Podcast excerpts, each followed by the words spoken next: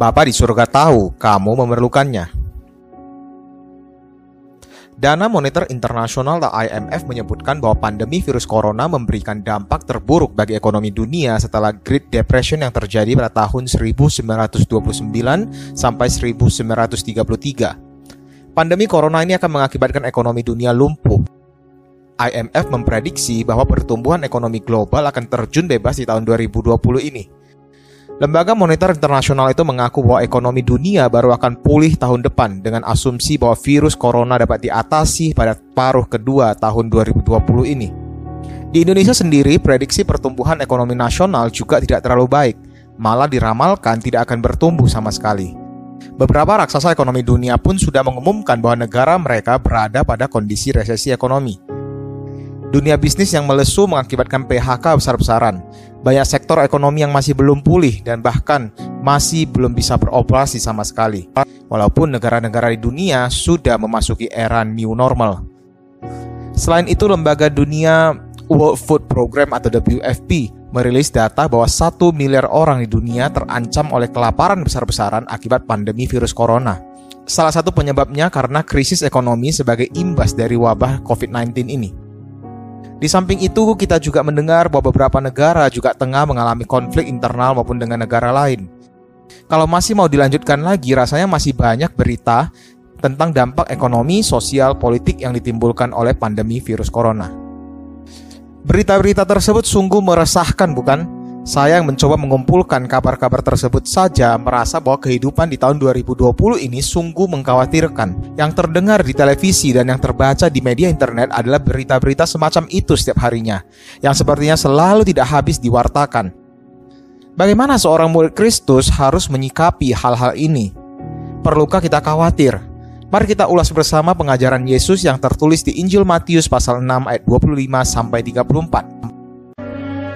Karena itu aku berkata kepadamu, janganlah khawatir akan hidupmu, akan apa yang hendak kamu makan atau minum, dan janganlah khawatir pula akan tubuhmu, akan apa yang hendak kamu pakai.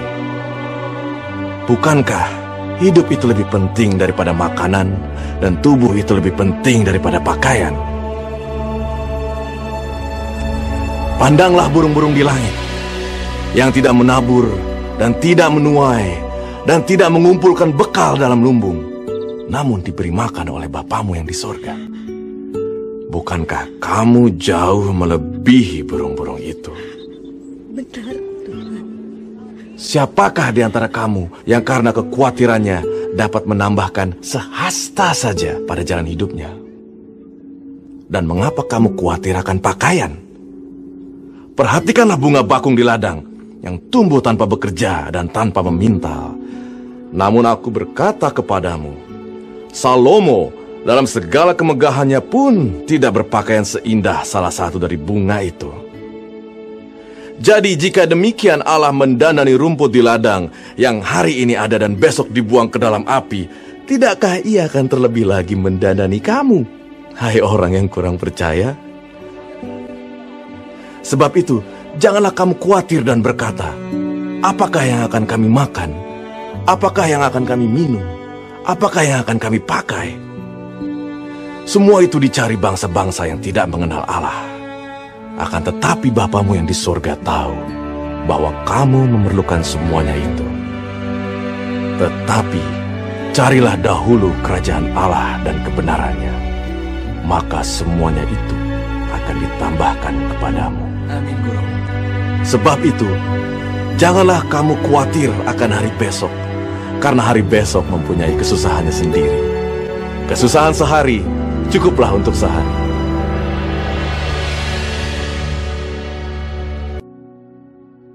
Sejak pandemi virus corona mulai merebak ke seluruh dunia, rasanya banyak orang yang takut untuk mengikuti perkembangan berita tentang virus ini di media massa. Namun mengapa sepertinya pengajaran Yesus ini, Yesus tampak begitu tenang dengan mengatakan, "Janganlah kamu khawatir." Mungkin saudara berpikir, Ya, dia kan Yesus, dia adalah Tuhan, dia berkuasa. Dia tidak perlu memikirkan besok mau kasih anak makan apa. Dia tidak perlu memusingkan bulan depan bayar tagihan listrik, air, internet, gas, TV kabel, uang sekolah anak, sewa kos, sewa rumah, dan lain-lainnya pakai apa. Dia tidak perlu memikirkan bagaimana cara mencari klien dan memperbanyak customer di tengah pandemi virus corona ini. Namun kita juga harus mengingat bahwa Yesus adalah 100% Tuhan dan 100% manusia. Dia bukan Tuhan yang tidak mengerti apa yang saudara dan saya pikirkan, rasakan, bahkan khawatirkan. Makanya di Matius 6 ayat 32a Yesus mengatakan semua itu dicari bangsa-bangsa yang tidak mengenal Allah. Kata semua itu merujuk kepada daftar kekhawatiran kita. Apa yang hendak kita makan, apa yang hendak kita minum, dan hendak kita pakai. Hal-hal yang berkaitan dengan kebutuhan mendasar kita untuk bertahan hidup. Di bagian ini Yesus sedang berbicara tentang sesuatu yang kita butuhkan sehari-hari, kebutuhan pokok manusia, makanan, minuman, pakaian. Mayoritas dari pendengar khotbah Yesus di bukit ini adalah orang-orang yang berpenghasilan menengah ke bawah. Mereka bekerja sebagai petani, nelayan, peternak upahan. Mereka ini hidup dari gaji yang tidak terlalu tinggi. Mereka bukan para tuan tanah dan konglomerat pada masa itu. Jadi, akan sangat wajar jika mereka khawatir dengan gaji mereka bulan ini apakah cukup untuk makan minum keluarga. Yesus sangat memahami latar belakang dari pendengarnya ini. Yesus juga dibesarkan di keluarga tukang kayu. Para sarjana Alkitab meyakini bahwa pada masa remaja dan pemudanya Yesus, dia terlibat di dalam membuat perabotan kayu bersama dengan ayahnya. Yesus mengetahui bahwa orang-orang dengan latar belakang ekonomi seperti ini pada waktu itu pasti memiliki banyak kekhawatiran mengenai ekonomi keluarga mereka. Oleh karena itu, Yesus bukan sedang mengajarkan suatu nilai yang tidak relevan dengan pendengarnya.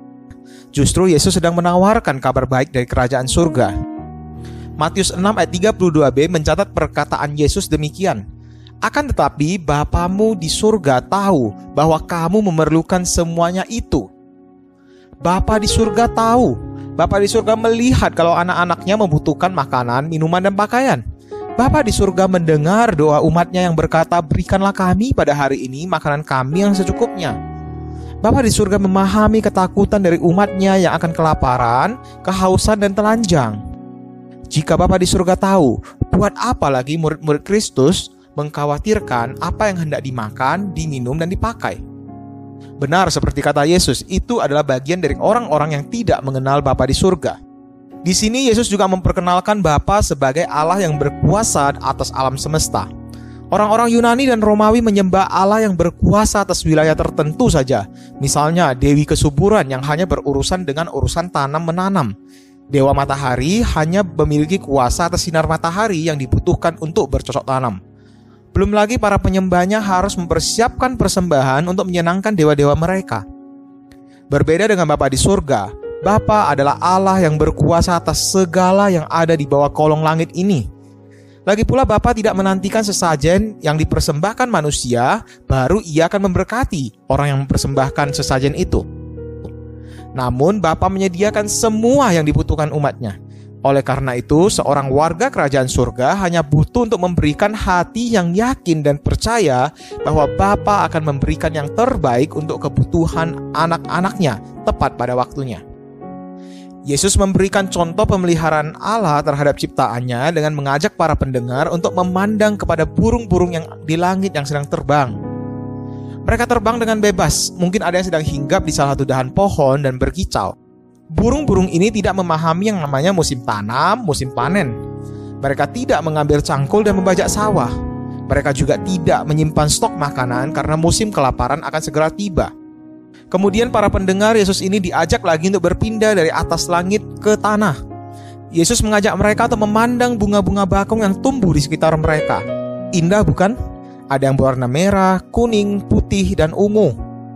Yesus mengatakan bahwa indahnya bunga-bunga itu lebih berwarna daripada jubah seorang raja besar Israel yang bernama Salomo. Kemewahan pakaian Raja Salomo bahkan diakui secara internasional oleh seorang yang bernama Ratu Sheba yang datang mengunjungi Salomo. Jadi siapa yang menyediakan makanan bagi burung-burung dan pakaian yang indah bagi bunga-bunga? Jawabannya adalah Bapa di surga. Bapa di surga saja memelihara binatang dan tumbuhan, apalagi manusia merupakan ciptaan Allah yang sungguh amat baik itu. Di mata Allah, manusia lebih berharga daripada flora maupun fauna. Saking berharganya, Allah pun memberikan yang terbaik, yang paling berharga dari dirinya untuk manusia. Anaknya yang tunggal, Yesus Kristus, diberikan untuk memperdamaikan manusia berdosa dengan diri Allah. Salib menjadi bukti nyata keberhargaan manusia di mata Allah. Salib adalah tanda bahwa Allah telah memberikan dan menyediakan yang terbaik yang paling dibutuhkan oleh manusia. Keselamatan dari penghukuman kekal akibat dosa adalah kebutuhan terbesar dan terpenting dari seorang manusia berdosa. Yesus Kristus menjadi anak domba Allah yang dikorbankan agar engkau dan saya yang mau percaya kepadanya mendapatkan anugerah keselamatan, mendapatkan kebebasan dan pengampunan dari dosa. Kalau yang paling utama saja sudah disediakan dan diberikan oleh Allah dengan cuma-cuma, apalah artinya makanan, pakaian, minuman? Bapak di surga tahu kalau anak-anaknya memerlukan semua itu untuk hidup dan dia akan menyediakannya. Di samping itu, secara medis, kekhawatiran terbukti tidak baik untuk kesehatan.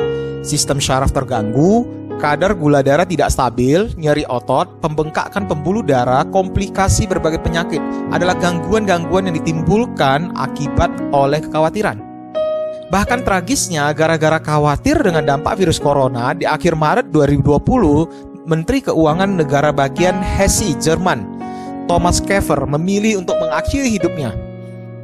Kekhawatiran juga tidak menambah satu hasta atau lebih kurang 45 cm pada jalan hidup seorang manusia.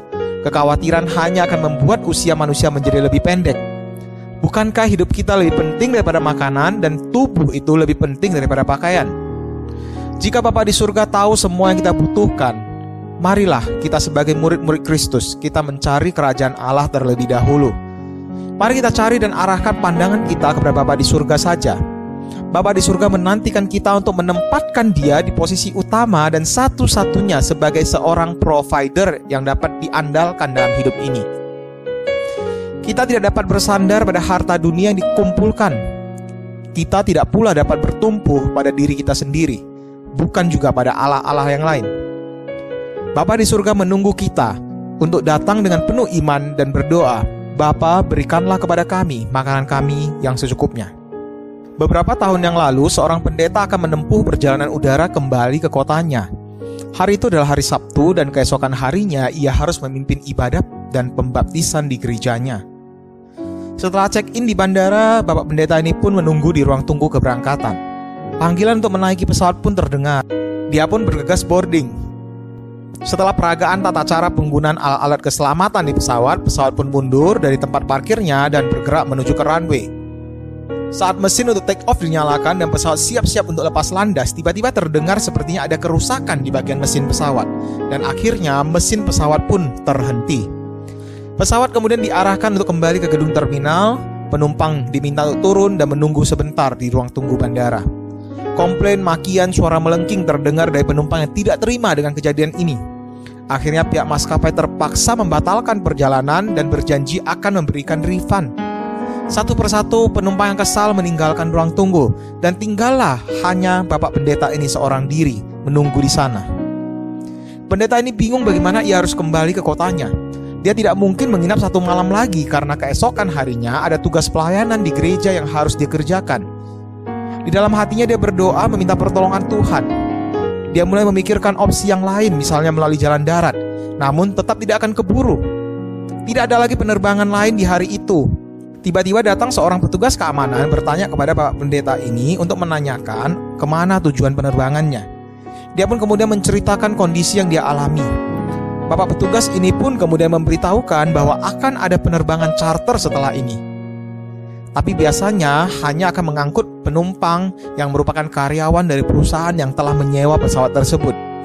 Kalau mau, dia bisa bantu tanyakan apakah masih ada tempat kosong Satpam itu pun pergi dan ia kembali dengan membawa kabar baik. Ia memberitahukan bahwa masih ada satu seat yang kosong dan harga tiketnya 800 ribu rupiah. Pendeta itu bingung, di dompetnya hanya tersisa cash sekitar 300 ribu, sedangkan uang refund dari maskapai sebelumnya itu belum cair. Satpam tersebut kemudian menawarkan diri untuk membantu. Dia pergi dan tidak berapa lama kemudian dia kembali membawa uang 500 ribu rupiah.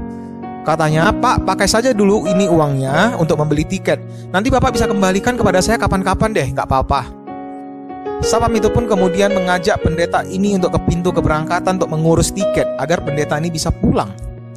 Di kemudian hari memang uang 500 ribu ini akhirnya dikembalikan. Tapi dalam waktu singkat yang kurang dari setengah jam, Tuhan bukakan jalan bagi pendeta ini untuk bisa kembali ke kota asalnya melalui seorang yang dia tidak kenal.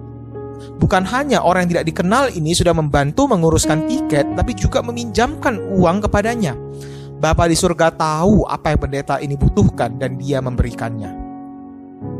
Kalau kita sudah datang kepada Bapa di surga, apa yang menjadi tugas kita selanjutnya?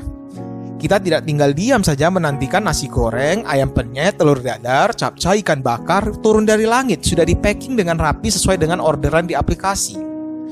Kita tetap harus menjalankan tugas dan tanggung jawab kita dengan baik. Jika karena pandemi corona ini kita kehilangan mata pencaharian, jangan menyerah.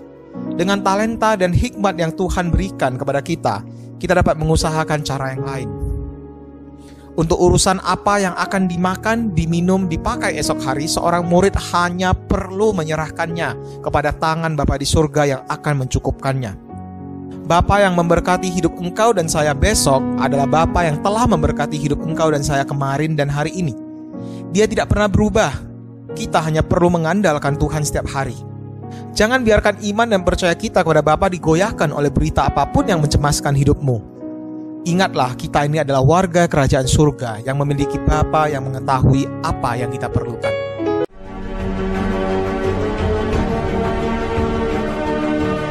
Wabah dan musibah sungguh menakutkan bagi umat manusia.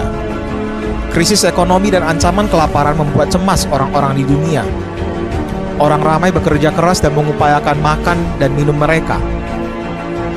Jika Bapa di surga tahu kita memerlukannya, perlukah lagi kekhawatiran menjadi bagian dari hidup kita? Lebih baik berserah dan mengucap syukur dalam doa kepada Bapa yang menyediakannya.